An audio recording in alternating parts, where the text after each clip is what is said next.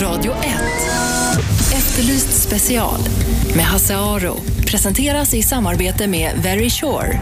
Alarms with IQ.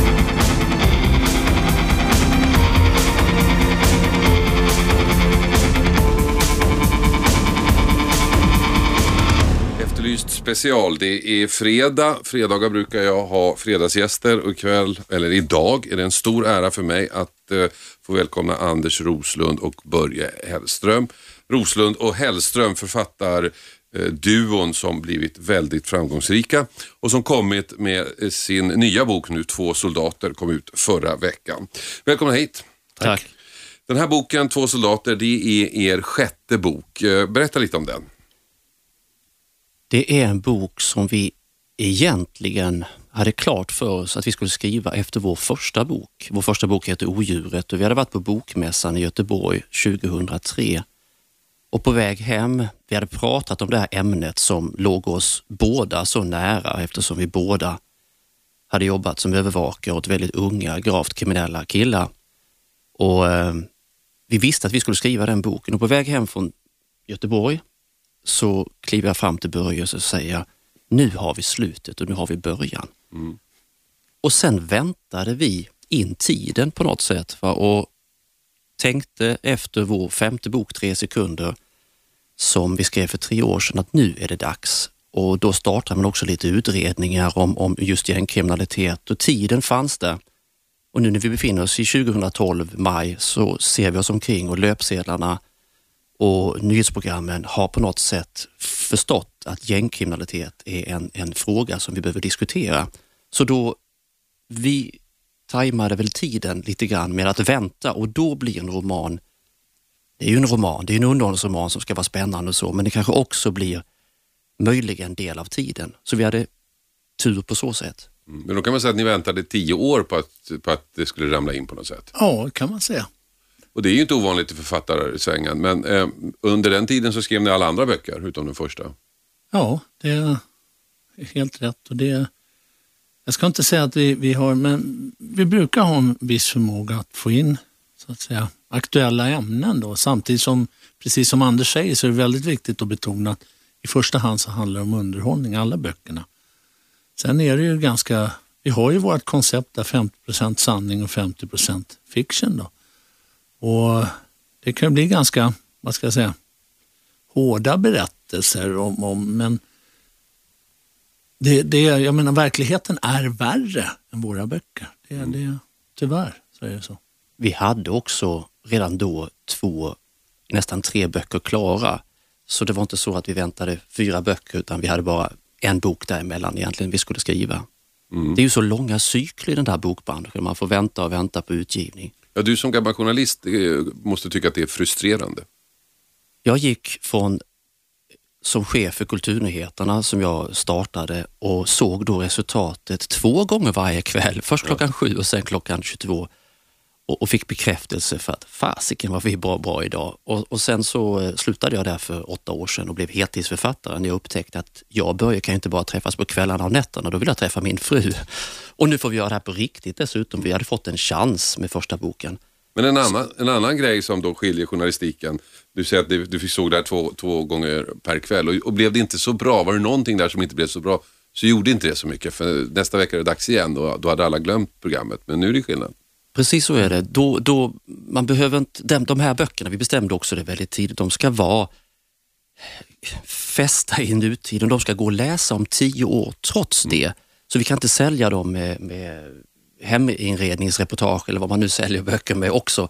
Utan vi måste sälja dem bara med boken och då får vi arbeta tills vi är klara med varje bok, tills vi tänker att nu har, en sån här bok har ingen skrivit och vi har inte själva heller skrivit en liknande bok förut. Nu står den på egna ben och förhoppningsvis kan man låna den på biblioteket om tio år och den står fortfarande på egna ben. Ehm, Så är det inte med ett nyhetsprogram. Nej, så är det inte med böcker heller väldigt ofta. Samtidigt så tog den två soldater hos mig, den tog tre år för oss och, och från start till, till mål. Det, är- det är ungefär två år för lång tid. Det sliter ganska hårt att, att vara två och skriva när eh, ja, vi, vi, allting måste så att säga godkännas av, av båda två. Det, är- det är tufft. Vi ska komma in på den processen sen. Men först så kan man konstatera att ni har varit ganska framgångsrika med alla era böcker. Att de har nominerats nästan allihopa, några har vunnit pris och sådär. Vad, vad, vad, vad är förklaringen, Börje? Ja, nej, jag, alltså grejen är, vi är, vi är väldigt noggranna när vi skriver, mm. När vi gör researchen och, och nu, nu, ska inte jag ta på mig så mycket ära, för, för den som är väldigt noggrann i det här författarskapet, det är Anders. Mm. Men, men, eh, men noggrann det är inte, behöver inte betyda framgångsrik. Nej, men jag tror å andra sidan att när man läser böckerna, om vi nu säger 50% sanning, 50 eh, fiction, då ska det vara det och då ska man känna. Sen har vi också en grej som vi försöker egentligen eh, så att säga beskriva varje karaktär så att man får en, po en point of view från varje karaktär. Och det är inte särskilt vanligt för att de flesta författare som skriver då, de, de brukar utgå från en karaktär och så kör de hans point of view hela tiden. Då. Men, nu när du säger det så, så, ja, så var det ju. Så är det ju faktiskt. Det tänkte jag inte på när jag läste, men så är det ju. Ja. Eh, men Anders, eh, så research i all ära och noggrannhet i all ära. Det är många som håller på med det. Så sagt bäddar ju inte för att det blir bra. Finns det någonting i kemin som förklarar varför ni från bok ett faktiskt har varit ganska framgångsrika och fått bra recensioner?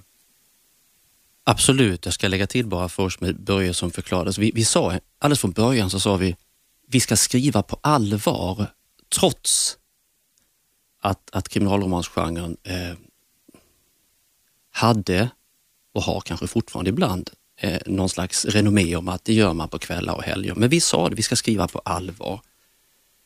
Eh, fan, nu tappar jag bort din fråga här. Ja, om det låg i kemin. Att, jag menar, ni skriver på allvar, ni gör research och, och tar upp problem. Men det, det är ett koncept som många Absolut. sysslar med. Men ni är framgångsrika från bok ett. Är det kemin?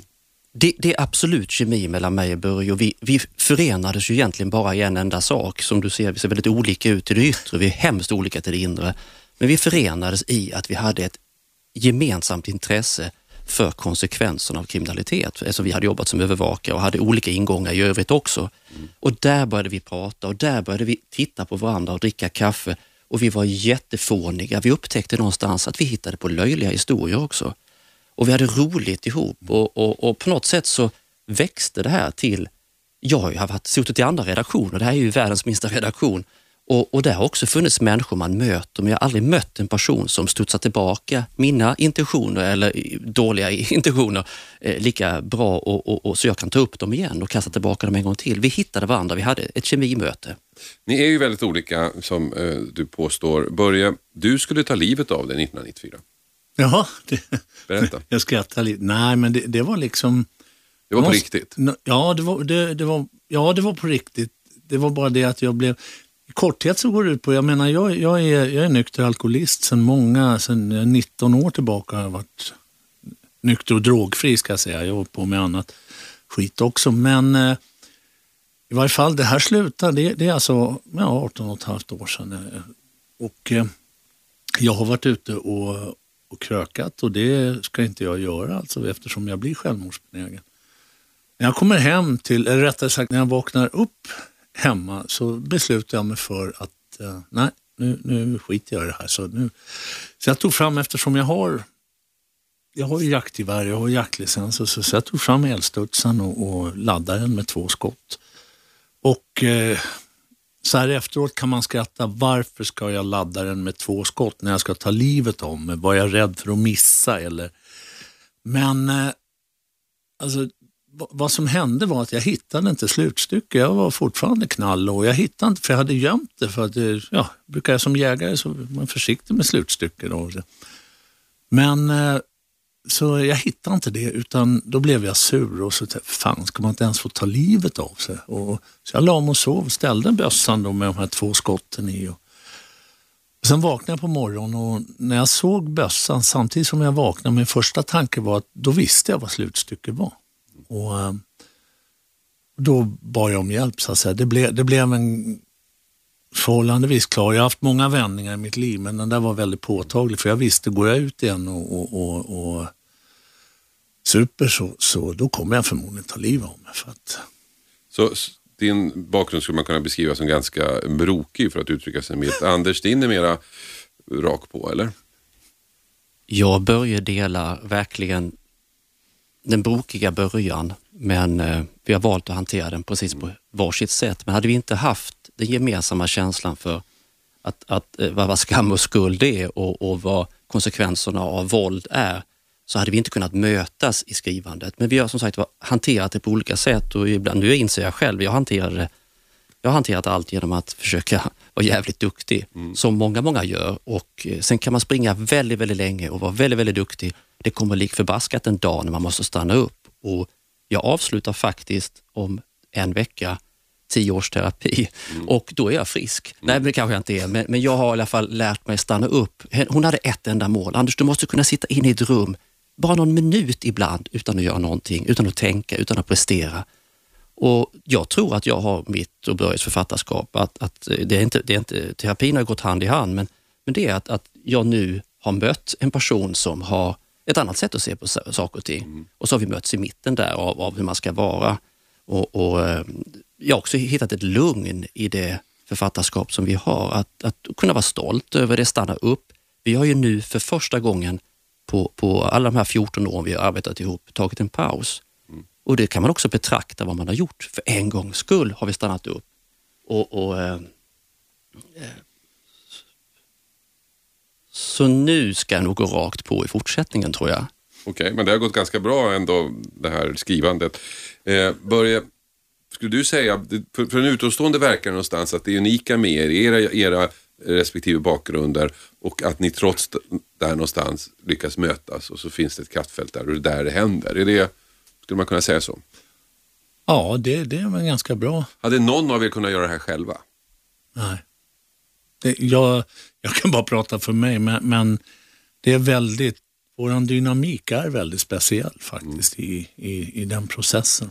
Vi var väldigt noga med att ta bort Anders och Börje. Skitsamma vem som heter Anders och vem som heter Börje. Mm. Utan låt oss kalla oss Rosen och Hellström så markerar vi att de här böckerna är gjorda av två olika personer. Mm. Vi skapade ju kaos i Adlibris och Bokus system för man fick inte ha två efternamn. Alltså. Man inrättade ett nytt system året efter för att man skulle kunna anpassa. Nu har det kommit så många som skriver par efter oss. Mm. Men, men, men det var inte anpassat för att man skulle kunna ta bort och strunta i förnamnen. Men för oss var det viktigt. Det var liksom ett, vi tar bort det från boken. Ja. Vi är vi. Som Sjövall och Valö. Att de hette Maj och Per från början tror jag på böckerna va? Nej, det tror du? Det jag har, jag har en gammal ja. där hemma. Det kanske de gjorde. Jag också. Jag, jag, hittade en upplaga igår som jag rensade hemma. Får se. Eh, vi ska prata mer om eh, hur man skriver tillsammans. Vi ska prata mer om Eh, den boken av, som jag har läst av er och som var faktiskt otroligt bra. Ni lyssnar på Efterlyst special, det är fredag. Jag har Roslund och Hellström som fredagsgäster. Vi är strax tillbaka. Radio 1. Efterlyst special med Hasse Aro. Presenteras i samarbete med Very Sure. Alarms with IQ.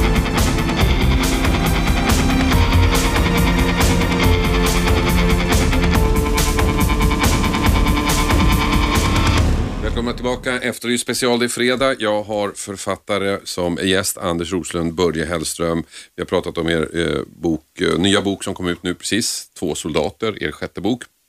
Men eh, jag brukar ha författare här ibland och det är väldigt sällan jag har läst någonting av dem. Men jag har faktiskt läst någonting av er och det är box 21. Och jag är, eh, när jag läser böcker, speciellt böcker som handlar om brott, är jag ganska kritisk. Jag kräver att det ska vara välskrivet. Eh, och det är många som är Eh, men så har jag två andra krav också som de ofta faller på. Det ena är att det ska vara realistiskt. Jag ska verkligen tro på det jag läser.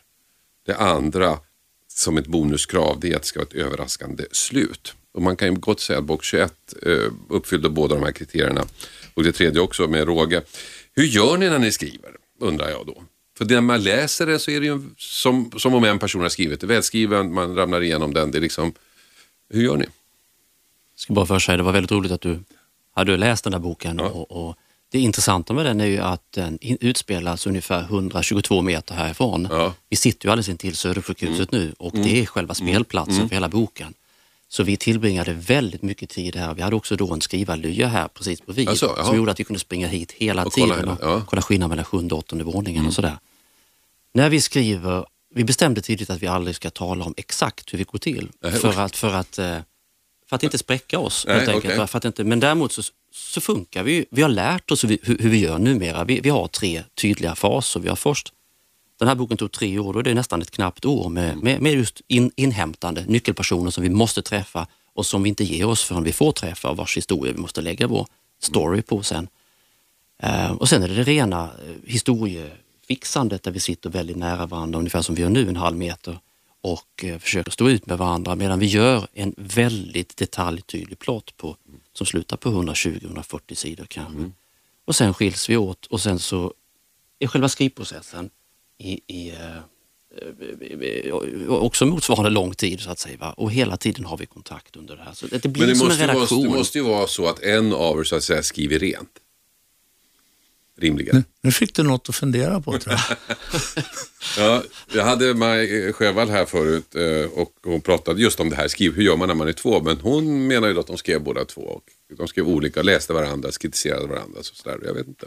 Alla måste nog ha olika sätt men en text måste nog till slut ha, det kommer vi fram till gemensamt, det måste ha ett gemensamt uttryck för att en person kan inte prata olika i olika delar av boken Nej. och så va. Och då, då förvirrar man mer än, men det, men det är lite intressant, vi arbetar otroligt mycket för att just ha en, en enhetlig text. Ibland utomlands så har vi förstått att översättarna jobbar i team, så det är två personer som sitter med varsin halva. Så det vi har försökt lappa ihop, gör, gör, spräcker de upp i översättningen. Du tycker, Eh, också det som jag tyckte var väldigt eh, uppfriskande om man får använda det uttrycket, men som man väldigt sällan ser tycker jag. Eh, det är det överraskande slutet. Sista meningen i sista kapitlet så vänder allt. Man blir helt tokig. De är tvungna att bläddra tillbaka och kolla vad i helsike hände egentligen. Det är skickligt. Då är vi jätteglada igen och vi har faktiskt lagt otroligt mycket möda på alla sex böckerna och inklusive Två soldater, den nya boken, som har fyra olika slut. Och så har Tre sekunder för förbok också som har fyra olika slut. Varje gång det är slut så ska man gå en liten runda till. Så får man akta sig för att göra det sista slutet som blir ett för mycket. Men, men vi, vi, vi, vi jobbar så otroligt mycket med slutet och eh, är glada om du uppfattar det så. Ja, det gjorde jag verkligen. Eh, han fick inte prata om hur ni gjorde, men en, jag läste en intervju någonstans här att ni tar ut lön från, eh, vad jag förmodar, ert egna företag. 27 respektive 23 000. Stämmer det? Ja, det låter rimligt. Det är inte så jättehög lön. Nej. Men det är en otrolig lön om du betänker att vi ger ut en bok på tre år. Det är en sjättedels bok om året per författare och vi kan leva på det, två personer. Man blir då, fast man säljer otroligt mycket böcker som vi gör och det blir film hit och dit, så blir man då inte rik. Det kan man aldrig bli om man väljer att ta så lång tid på sig och dessutom dela allting i lön. Men man kan försörja två personer i ett yrke som bara 300 personer i Sverige försörjer sig på. Ja. På en författarlön var, eh, var tredje år. Så, så det är rikedom. Men hur går det, om, om ni skulle beskriva kommersiella framgång, hur, hur går det så att säga? Börja. Ja, det går bra. Jaha. Men eh, jo, nej men så samtidigt är det så här att vi, vi har ju inte koll över hela världen så att säga. Men, men, eh, men det finns länder där det går väldigt bra, det finns länder där det går mindre bra. Men, men generellt så ja, det går jättebra. Författeriet är ju inte bara det att man får vänta länge på resultatet, men det är himla bra. Man har lagt ner massa tid innan, sen så tar det två, tre år innan man får lön. Mm. Så nu, nu är vi inne i det där. Så vi har, vad man kan se nu är att vi har lön tre år framåt om vi skulle sluta skriva ett enda ord idag. Ja. Så länge räcker nog det som kommer in efter. Det är ju intressant. Va? Och det, Men- men det, tänk- det ger en trygghet. Ja, men tänker ni i termerna då att då måste vi ut med en bok om tre år? För att vi ska fortsätta det här, eller? Vi har aldrig haft ett endaste kontrakt. Vi har ing, alltså, jo, utomlands har vi det, men vi, vi ger ut sjätte boken som sagt för, förra veckan och, och eh, vi har fortfarande inte fått kontrakt på den boken. För att vi har någon slags, för att vi inte ska, vi ska slippa krav från förlaget och vi ska vara klara när vi är klara. Eh, vi ska ha den friheten. Men det är väl klart att jag tror snarare författarskapet behöver en bok, inte längre än tre år, för då glöm, glöms man bort. Det är så himla många andra som är bra där ute. Ja, det har ju ökat konkurrensen. Alltså svenska deckare är ju kanske den största genren i Sverige just nu och där har ni ju väldig konkurrens. Tänker ni på det? Jo, det är klart man tänker på det, eller att vi tänker på det, men eh, samtidigt, det, det känns lite grann som att ibland så, så vi har hittat en liten nisch där, där vi kan vara så att säga. Och det, det, det är faktiskt kä- känns väldigt bra och väldigt tryggt på det viset. Men, men det är klart att det finns väldigt mycket deckarförfattare och deckarböcker idag. Har ni något uttalat social, social ambition med era böcker? Eller politisk ambition? Hade det inte varit så här att vi hade skrivit böckerna på det här sättet, just med ett underhållningsfas men att försöka förkovra läsaren, om läsaren så önskar ta del av den världen, så hade jag stannat kvar på mitt redaktionschefsjobb och började sannolikt stanna kvar som behandlare av unga kriminella pojkar. Eh, då hade vi varit där, för, för då hade det inte varit intressant, tror jag. Utan vi hittar ju mötet i sättet att just spåna historier, men också kanske försöka kommunicera någonting som vi hade misslyckats med var för sig som reporter och som kriminalvårdsdebattör, tror jag. Tack så mycket eh, Börje Hellström, Anders Roslund för att ni kom hit. Eh, eh, två författare som alltså ger ut sin sjätte bok, eller precis har kommit ut med sin sjätte bok. Två soldater heter den. Kom ut i bokhandeln förra veckan. Ni lyssnar på Efterlyst special. Eh, det är fredag, Radio 101,9 heter kanalen. Vi är tillbaka efter reklamen. Radio 1. Efterlyst special med Hasse Aro presenteras i samarbete med Very Sure. Alarms with IQ.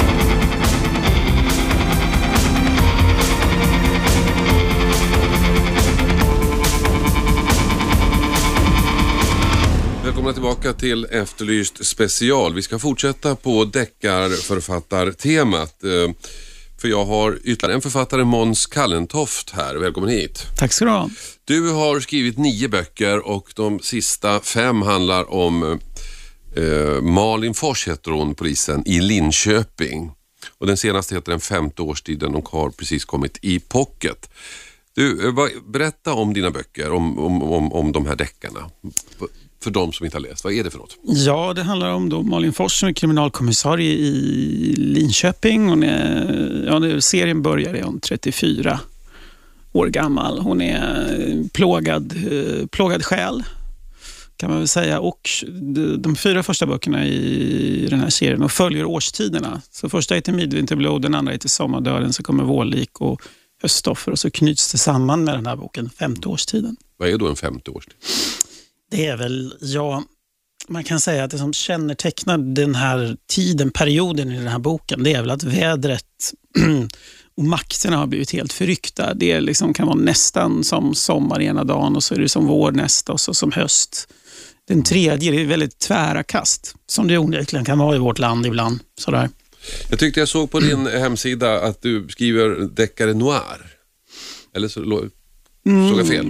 Nej då, det tycker jag nog absolut man kan säga. Det finns i varje fall om man tar klassiska noir-genren och även mycket film. Vad som kännetecknar den med långa skuggor och gallermönster och uppgivna hjältar som man vet det kommer gå åt skogen för på något sätt. Så eh, allt det där finns ganska mycket i mina böcker skulle jag vilja säga. I bilder, alltså I skrivna, bilder, i skrivna bilder och i, i färgsättning och av, av, själva scenerna i boken, i språket. Så. Mm, mm. så det gör det, det, stämmer. Jag älskar noir själv. Du, du, du började med andra böcker Ja, och sen gick du över till deckare för att det var mer lönsamt, eller? Ja, det var definitivt en av, eh, en av, en av sakerna. Nej, men jag hade skrivit fyra böcker och hade fått priser och jättebra kritik och sådär, men det tog liksom inte skruv. Ingen köpte de här böckerna. Eh, jo, några, men det var inte så många. Och som författare så är det ju, när royalty-rapporten kommer, det är ju den, kan man leva på det eller inte? Och jag, jag såg ingen möjlighet realistiskt att det skulle kunna hända och jag ville verkligen göra det och då motvilligt så skrev jag väl den första deckaren kan jag säga. Mm. Men ja, jag tyckte jag skulle prova i varje fall. Och då la du upp då liksom en mall, så här ser en svensk deckare ut så jag får väl, jag får väl göra det. Det ska ha en tjej i huvudrollen, det ska utspela sig i en, en Ja. stad som inte är Stockholm. Eh, var det liksom en rent... Alltså, I Krasst. början var det ganska krasst och lite vad ska man säga, metodiskt så att eh, kolla. Och Då kom jag fram till att de flesta deckare då, det är några år sedan, det är inte så många, men eh, det var, den hjälten var ju en typisk man i 55-årsåldern, Kurt Wallander, dricker för mycket, jobbar för mycket och har ett taskigt familjeliv. Och uttjatad men älskad karaktär. Så då tänkte jag, vad händer om jag tar den här karaktären och gör det till en ung tjej istället, som har livet framför sig och, och ger henne precis samma problem. Och när jag kom på det där så var det som att hon, hon, hon fick eget liv rätt snabbt. Sådär. Mm. Du har Ja. beskrivit henne på din hemsida och det låter Ja. nästan som du är kär i henne. Kanske Lå- lite faktiskt. Ja, det låter som en ball tjej och eh, när du beskriver henne tycker jag att det låter som du känner Jo, henne. men hon är den där som man kan tänka sig. Så skulle man hamna bredvid en- henne i en bar Mm. en kväll någonstans. På ett stadshotell eller sådär. Eller var de nu kan hänga. Så skulle man nog tycka hon var otroligt underhållande och intressant och spännande. Men jag tror hon skulle vara fullkomligt hopplös att leva med. Tror du det? Ja, jag tror det. Men hon skulle kanske vara spännande då eh, den, den kvällen och eh, ganska farlig. Rätt farlig tror jag. Jo, för hon är ju, hon, hon är ju en person som hon tar det hon vill ha någonstans. Och för stunden ganska mycket och litar på intuitionen och sådär. Jag tror det skulle vara ganska svårt att säga nej till henne. Sådär. Men eh, jag har levt med henne. Jag skriver ju en bok om året och det, då är det ju jobb heltid nästan med henne. Och, och när jag inte skriver om henne så är jag ute och pratar om henne runt om i världen. Och, så det blir, det blir någon ganska intim relation med en litterär karaktär som är, som är, som är intressant. Hon har, hon har det som hon har ett eget liv. Sådär, Ja. Jag tror att en, att en sån här kvinna absolut kan finnas men i Linköping vet jag inte om man skulle hitta henne där. Jag vet inte faktiskt, men ja, nej, kanske om hon vore en verklig person hade hon tagit sig från Linköping till en större scen. Eller till en annan scen, en urban storstad. Sådär. Men samtidigt, människor blir kvar av olika eh, familjeskäl och andra fastnar lätt i sina strukturer. Så jag vet inte, man ska nog inte underskatta Nej. Karlstad heller. Nej, man vill underskatta Linköping heller. Nej, du är själv därifrån. Ja, jag är själv därifrån. Och det här eh, har du sagt är ett sätt för dig att hålla kontakten eller återknyta till din barndomsstad. Ja. Jo, det blev lite så. För när jag skrev de andra böckerna, de utspelar sig i Madrid och Bryssel och samtidigt så jobbade jag som journalist och skrev resereportage och matreportage från hela världen och försökte bara komma så långt från Linköping som möjligt. Men sen när jag fick egna barn så, där, så blev det, att jag, kvar mamma och pappa där i Linköping så blev det att vi åkte ner mycket mer och hälsade på farmor och farfar. Jag kände att, och så skrev jag lite om Linköping i något sammanhang och kände att det där väckte en massa känslor. Så det har ju blivit lite som, som det är Mm. faktiskt. Och försöka rota, eller rota är fel, men försöka hitta känslor från när jag var liten. Sådär. Och använda dem. Så. Stämningar i, i staden. Sådär. Du sa att när du skrev de andra böckerna då var royalty-rapporterna inte så kul att läsa. Är de roligare nu? Nu är de mycket roligare. Kan det du, kan jag villigt erkänna faktiskt. kan, du, kan du leva på det här på de här böckerna? Ja, då, absolut. det kan gör jag. dig ganska unik i den här genren. I deckargenren? Ja. Att jag kan leva på böckerna? Ja. Ja, jag, träffar, jag träffar, varje fredag här brukar jag ha deckarförfattare med. Mhm. Det är väldigt få som kan leva, alltså de tjänar pengar på det men Mm. inte, så, inte bara. Inte bara. Nej, Nej. men jag har väl haft tur. Det och lyckats komma väldigt högt upp på topplistor och, och inte bara i Sverige utan en massa länder och ha en bra agent som ordnar fina dealar. I alltså, i, jo, men jag kan absolut leva på det. Vad är det som gör att Väl, dina böcker då säljer bättre än andras tror du? Uh, alltså, det finns ju de som säljer mer än jag, det vill jag poängtera. Mm. Jo, men, det finns det. Ja, jo, men, GV, GV säljer ju bäst. Han säljer bäst och Läck, Camilla Läckberg Ja. säljer ju bra, men sen Ja. är jag väl där någonstans. Jo, jag vet inte. Det, de är ju lite annorlunda. Det finns ju drag Mm. som inte finns hos någon annan. Samtidigt som de är, eh, vill man ha en rejäl svensk deckare så levererar jag nog det också. Mm. Sen så med att jag till skillnad från många andra skrev en annan sorts, vad ska man säga, riktig litteratur först. Så jag har väl ett lite annorlunda språk kanske sådär. Och, och så vet jag att Malin är en karaktär som tar tag i människor. Det märker jag på responsen. Det är väl, och sen har jag haft, jag vet, haft tur, hitta publik. Mm. Ja, det ena i det andra. Det säger alltså Måns Kallentoft eh, som är fredagsgäst här. Den tredje deckarförfattaren vi har här denna fredag. Ni som lyssnade från början hörde att eh, Nordlund och Hellström var här. Eh, och jag fortsätter min fredagstradition här i Efterlyst special att prata med deckarförfattare och som ni vet så beror det ju på att min egen underlägsenhet eftersom jag själv gärna skulle vilja skriva en deckare men aldrig får ur med den och har hållit på i 20 år och så tänker att det här kanske kan vara en väg att så småningom hamna där. Jag vet inte. Hur gör man? Hur gör man? Eh, Allt skapande det tror jag är, det handlar om att hitta någon slags poesi och konstruktion i förening. Poesi... Det, det där låter ju väldigt tjusigt. Mm, men jag ska förklara mig vad jag menar. jag vet, det låter ju abstrakt. Det tog, tog 20 år innan jag förstod vad det betyder. Ja, okej. Nej, men det är som man som du då säkert har ett språk. Du kan ju Mm. uppenbarligen skriva. Jag antar att du skriver dina egna manus och Mm. sånt där. Men eh, då kan du se, det är det poetiska verktyget. Sen är ju deckare väldigt mycket en konstruktion. Så studerar man klassisk grekisk dramaturgi och läser lite noir och några handböcker, så kan man nog med det, genom också då använda sina egna erfarenheter och metodiskt gå tillväga skriva en deckare. Det tror jag absolut. Mm. Men jag tror man aldrig kan gå runt det här ledet att på något sätt få det bottna en själv. Nej. Sina egna, kanske inte erfarenheter, men i varje fall känslor. Men vad är det då översätta. i deckargenren som du tycker att är du? Som är jag? Ja. ja, det tror jag är... Ja, det finns en känslighet i böckerna. Mm. Sådär, tror jag. Och en, och en medvetenhet om den sådär, kanske mer konstnärliga processen. Som... Själv jag, tycker jag det är väldigt intressant med moral, brott och moral och mm. prata moral i en större mening. Att människor ja, som annars inte skulle begå brott gör det. Jag skulle, det kan jag säga också, att kan du hitta, som jag alltid försöker göra, jag lyckas inte alltid, men som jag tror är en extremt bra motor för en deckare, så är det, det är att hitta ett mänskligt dilemma. Mm. Alltså, som i en av mina böcker så är det en man som, för att rädda sina egna barn, så måste han döda några andra barn. Det är lika hemskt som det låter, men mm. Historiskt har ju säkert människor någon gång ställts för det inför sådana val och jag försöker jag försöker hitta sådana dilemman, små och stora, och så spinna vidare från det. Så det, det tror jag kan vara en bra utgångspunkt. Hur inte, din din, eh, din eh, deckardrottning, då, eller din huvudperson, mm. hon är ju polis. Det är ja. inte alla deckare som väljer det. Därför att Nej.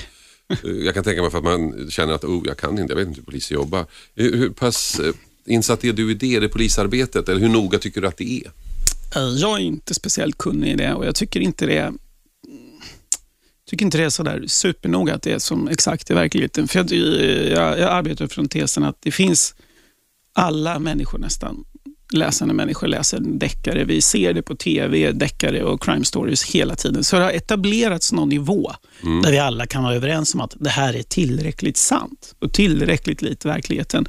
Och sen är vi mycket mer intresserade, både jag och de som läser mina böcker, tror jag, av människor och, och det som händer dem och öden och äventyr och alltså, känslor. Det alla människor brottas med i sina liv på alla mm. sätt. Sådär.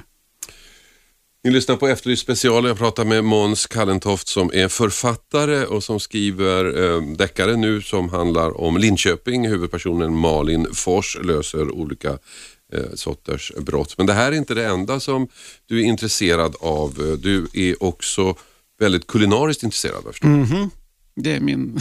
det är din riktiga passion? ja, det är, skriva och gastronomi, det är väl det som är mina, har mm. blivit genom livet mina två sådär.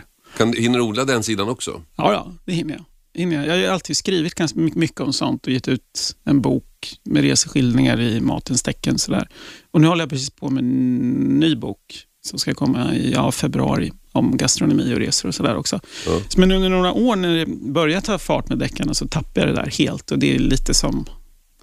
Jag kände att jag vill, jag vill hålla på med det också, för mm. jag, jag, jag, älskar det verkligen. Och det, Men handlar det bara om att äta eller handlar det också om att laga?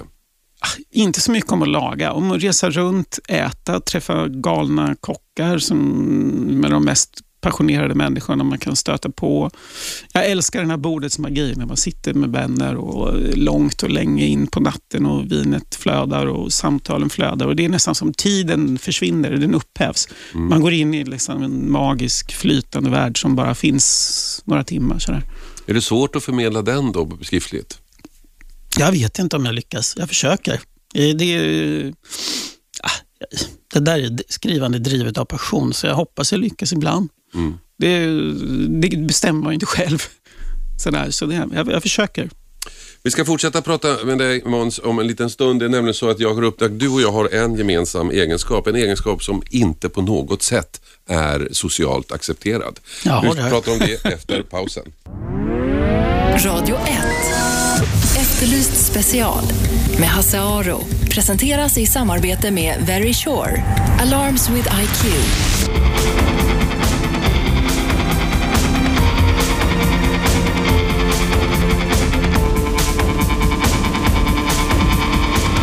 Välkomna tillbaka till Efterlyst special. Hasse Aro heter jag och det är fredag. Jag pratar med författare denna fredag och nu pratar jag med Måns Kallentoft. Före pausen så Eh, pratade lite om hans böcker, hans eh, hjältinna Malin Fors som alltså löser mord i Linköping.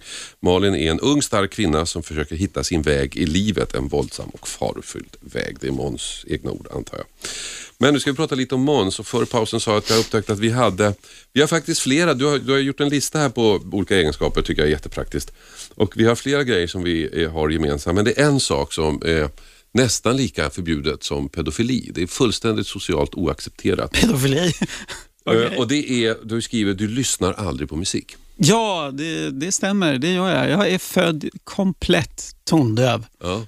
Och eh, det, när jag gick i skolan och försökte lära mig spela mandolin så blev jag utkastad av en ilsken rumänsk mandolinfröken. Mm. Och där tror nog min musikkarriär slut. Och jag, jag önskar, men jag, jag, får bara ont i huvudet av musik. Jaha. Och lyssnar jag på någon musik, då är det musik som Bob Dylan och sånt, där texten egentligen är överordnad. Mm. Jag har, min min äh, musiklärarinna gick ettan, då är man sju år. Ja, man är Då, inte... då sjöng man upp på den tiden och så fick man betyg. Och jag och min kompis Thomas Åshage, vi fick båda ettor. Men då sa hon till mig, i ditt fall för att det inte finns något lägre. Thomas, han försökte i alla fall. Ja, precis. Jag vet inte om det var där någonstans, men jag upptäckte att säger man till folk, nej jag lyssnar aldrig på musik, så blir folk nästan lite provocerade. De blir provocerade, absolut. Och eh, verkligen tycker jag att det är något fel på en faktiskt. Mm. Sån här. Och det, det, jag skulle vilja ha musiköra och kunna sitta Mm. och lyssna på Bach i timvis som vissa kan och hitta. Ja, nej, jag Magi gillar musik, spe- speciellt stora känslor. Så här. Mm. Men aldrig att jag, när jag sitter i bilen så kan jag lyssna ibland bara för att jag inte har något annat att göra. Men det här att ständigt ha bakgrundsmusik har jag aldrig förstått mig på. Nej, det har jag inte. Och inte när jag skriver heller för den delen. En annan sak som vi har gemensamt tror jag, Mm. eh, hoppas jag att jag har tolkat ordet rätt. Ja, Du hotellknarkar. ja, jag älskar hotell. Ja. Av alla sorter. Nej, inte av alla sorter. Jag älskar bra hotell. Och liksom intresserad också, det ligger väl nära gastronomiska och resegrejen, att Mm. intresserad av vad som gör ett bra hotell och hur det funkar med service och hur får man till det och vad skiljer sånt där Mm. ifrån. Liksom, och vad, vad, sådär. Och, och de här hotellen, många stora hotell i världen som har funnits länge, de, de har ju ett eget liv som är mycket större än vi som är gäster eller de som jobbar där för stunden. De kommer ju med stor sannolikhet finnas kvar flera hundra år efter att vi är bortglömda. Ja. Sådär. Eh, Jag håller med dig. Och, ehm, så förut när jag var yngre så sa vi, eller det finns människor som reser som säger, men hotellet är inte så viktigt, man ska ju bara bo där, man ska bara sova där. Och det där förstår jag inte alls. Hotellet tycker jag nästan är viktigast. Jag tycker det är otroligt viktigt också. Det, det är det, för det, det sätter ju tonen för allting och, och, som man gör och sådär. Och, Jag får ibland Och frågan, här, vad är det första du gör när du kommer till ett hotellrum? Jag brukar svara, byter. byter. Ja, Är jo. du sån? Ja, om jag inte får ett rum som jag gillar, då har jag inga problem att byta. Och, och får jag nej så har jag inga problem att skälla heller. Och sådär. Men eh, det gör jag. Vilket är ditt favorithotell? Favorithotell, det är definitivt, eh, det måste vara Oriental i Bangkok. Mandarin Oriental i Bangkok. Mm. Där jag bott många gånger genom åren och så firar jag nyår där varje år. I Okej. floden, Ja, magiskt. jag har inte bott där, jag. Men jag har bott på Mandarin Oriental i, i, i Malaysia Mm. och på Filippinerna tror jag. Ja, nice. Det är väl ungefär same, same, same. Annars tycker jag att mitt absoluta favorithotell det är Hotell Fiskatorpet i Helsingfors, gamla delen. Gamla delen, Ja. där har jag aldrig bott, ska Nej. villigt erkännas. Ja, nej men det, det är, Helsingfors är ingen stad man åker till. Sådär. Nej, nej, men- men... dina böcker kanske kommer på finska så får du anledning. Jo då, det gör de. Jag har precis bytt förlag i Finland. Så det, Alltså, då kan du säga till det finska förläggaren att jag vill bo på Fisketorpet, gamla delen. gamla delen så blir de imponerade. Men du, det här med matintresset. du- Alltså, när man läser din hemsida så, här, så, så får man ju en känsla att det här är mer än ett intresse. Det här är verkligen någonting som betyder mycket för dig.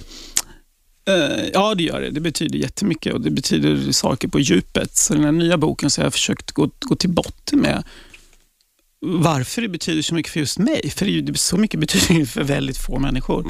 Och det är det. Sen, sen jag var liten så har väl liksom det här bordet varit förknippat med allt det goda i livet. Liksom min mormor var kokerska och jag var mycket hos henne när jag var liten. Och min farmor hade sex ungar och stod vid spisen dagarna i ända och lagade husmanskost. Och det var rått men hjärtligt. Det var alltid en väldigt sådär, viktig punkt. Så jag har nog liksom jagat de där ögonblicken hela, hela, hela, hela livet. Säkert då för att slippa ta tag i andra saker. Men.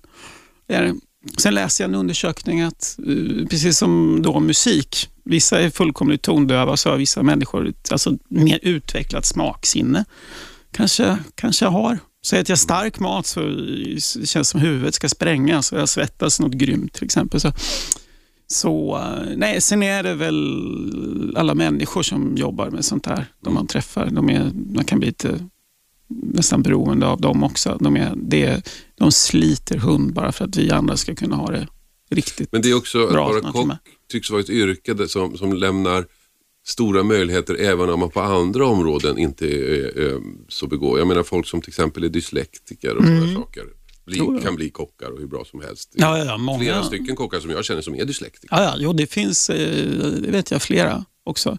Så det, jo, men det, på viss nivå där, du kan ju, så kan du uttrycka otroligt mycket saker och få, få utlopp för en massa talanger liksom, utan att kanske vara akademiker eller sådär. Så det, och det har ju, kockyrkets status har ju höjts väldigt mycket liksom, de senaste decennierna kan man säga. Mm. Jag vet Erik Lallerstedt berättade för mig en gång när han blev kock, det såg hans pappa som ett misslyckande. Mm, jo, då, ja, är Men namn. Erik är en av de mest namnkunniga vi har. nu. Jo, jo, jo, har väl gjort en helt otrolig karriär Ja. liksom, och tjänat en båtslast med pengar. Så. Och så, jo, men det där har ändrats lite grann tror jag. Du har också varit, eh, en sak som vi har gemensamt, Mm. ja nästan, du har varit prisbelönt copywriter. Jag har inte, jag vann aldrig någon pris. Jag fick inte så varit- många heller i och för sig. Vad skrev du för? Oj, jag skrev för eh, ja, DN, Fritidsresor, Mio Möbler, JM Bygg, eh, Telia och Oj, stora kunder. If. Ja, jo, jag jobbar med en hel del stora kunder, fast jag var inte liksom första hjulet, eller vad säger man, på alla dem, men vissa var jag ändå. ändå. Så jo, jag var rätt i smöret i några år tror jag. Men det är, väl, är inte en bra skola att lära sig skriva liksom rappt, koncentrerat och, och, Ja, och börja, ja, och börja med det viktigaste och hitta, hit, hitta till det. Liksom, och så hitta den här, försöka hitta språklig energi i, i det lilla. Så jag tror det är en extremt bra skola. Jag brukar säga det att allt man, om man vill bli författare, så är allt man skriver är övning. Minsta mejl, sms, alltså det går öva, öva, öva, öva. Sådär. Det säger alltså Måns, Måns Kallentoft, författare till deckare. Eh, den senaste heter Den femte årstiden, har precis kommit som pocket. Eh, ni lyssnar på Efterlyst special. Eh, programmet är faktiskt slut. Jag önskar er en trevlig helg så hörs vi på måndag. 101,9 Radio 1. Sveriges nya pratradio.